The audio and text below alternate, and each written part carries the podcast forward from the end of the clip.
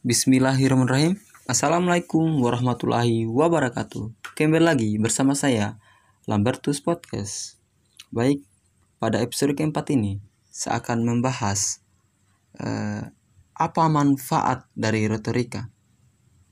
Retorika itu memiliki berbagai makna, dan yang paling populer, retorika adalah seni dalam berbicara atau berpidato. Jika diteliti lebih dalam, retorika memiliki perkembangan yang berbeda pada tiap zamannya, dan perlu kamu tahu bahwa fungsi retorika itu selalu berubah. Pada periode Romawi, retorika itu alat kepentingan kekuasaan, sedang pada abad pertengahan, retorika adalah alat dakwah para agamawan. Di balik-baliknya perjalanan retorika, ternyata retorika sangat bermanfaat ketika kamu mau mendalaminya. Berikut 5 manfaat yang akan kamu rasakan setelah mempelajari retorika. Pertama, membuatmu pandai dalam merangkai kata saat berbicara di depan umum. Seperti yang banyak orang ketahui, bahwa retorika adalah seni dalam berbicara atau berpidato. Maka sudah pasti orang yang mendalami retorika dengan penuh keseriusan akan memiliki kemampuan atau kecakapan dalam berbicara. Kemampuan berbicara di muka umum tentunya akan sangat bermanfaat bagi kehidupanmu karena dengan kemampuan tersebut, kamu bisa memberikan pengaruh bagi sekitarmu hanya dengan rangkaian kata yang kamu susun. Kemampuan tersebut tentunya bisa kamu manfaatkan apabila kamu berada pada posisi sebagai pencari suara massa, seperti politikus, orator mahasiswa, bahkan seorang manajer yang mencari suara dari para direksi. Oleh karena itu, mulailah untuk bersahabat dengan retorika dan mulailah berinteraksi dengan buku-buku retorika. Kedua, memahami pentingnya intonasi dalam berbicara dengan orang lain. Terkadang, ada orang yang membicarakan topik kesedihan maupun kebahagiaan dengan ekspresi datar sehingga pesan yang ia sampaikan tidak bisa berbekas di hati target audiensi. Kadang, ada juga yang berbicara terlalu cepat dan nampak seperti komentator sepak bola. Tentunya, kebiasaan ini akan membuat pesan yang kamu sampaikan menjadi tidak berkesan Coba kamu lihat, banyak dari public figure yang berhasil memikat hati penonton, yang dengan rangkaian kata dan intonasi yang pas sehingga tercapai harmoni, seperti sosok Najwa Sihab. Tentunya, dengan mempelajari dasar-dasar retorika, setidaknya kamu akan sadar bahwa intonasi sangat berpengaruh pada pesan yang kamu sampaikan. Ketiga, ide yang ingin kamu sampaikan kepada orang lain akan lebih mudah dicerna.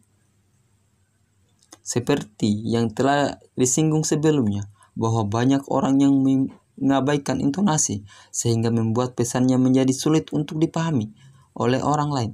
Ketika kamu memahami retorika, kamu pasti akan sangat teliti dalam melihat hal-hal yang akan membuat ide atau pesan menjadi sulit dicerna atau dipahami oleh orang lain.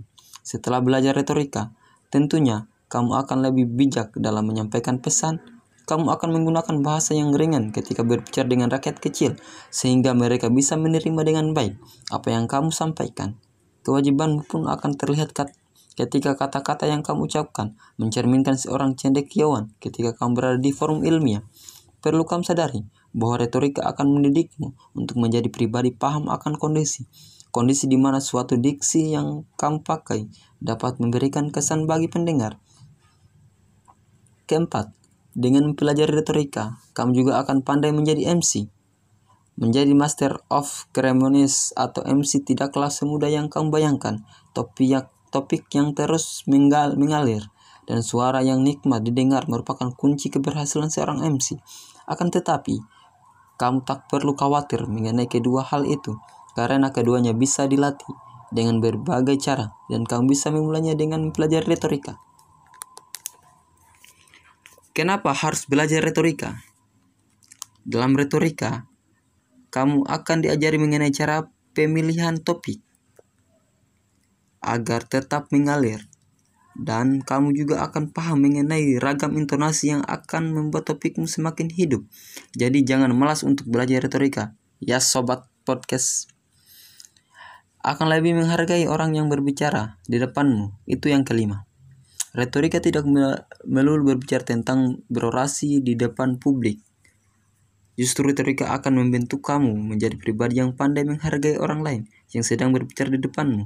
Untuk menjadi pembicara yang baik, kamu harus menjadi pendengar yang baik dan itu merupakan suatu hal yang mutlak karena indera pendengaran pendengaranlah yang lebih dahulu berfungsi pada diri manusia sebelum kemampuan lidahnya untuk bercakap-cakap. Coba kamu perhatikan anak-anak, mereka belajar mengucapkan sebuah kata dari apa yang mereka dengar dan di sekitarnya. Begitupun dengan retorika. Retorika akan mendidikmu menjadi pribadi yang pandai mendengar sebelum pandai berbicara karena Aristoteles tidak akan pandai berorasi jika dia memiliki telinga yang tuli. Itulah lima manfaat yang akan kamu rasakan ketika kamu mempelajari retorika. Selalu ada manfaat bagi mereka yang mau mencari dan menjemputnya. Tinggal bagaimana sikap kita dalam meninjau sesuatu. Uh, mungkin untuk episode pada uh, malam hari ini cukup sampai da cukup sampai di sini. Uh, nantikan uh, episode selanjutnya. Tetap di podcast Lambertus.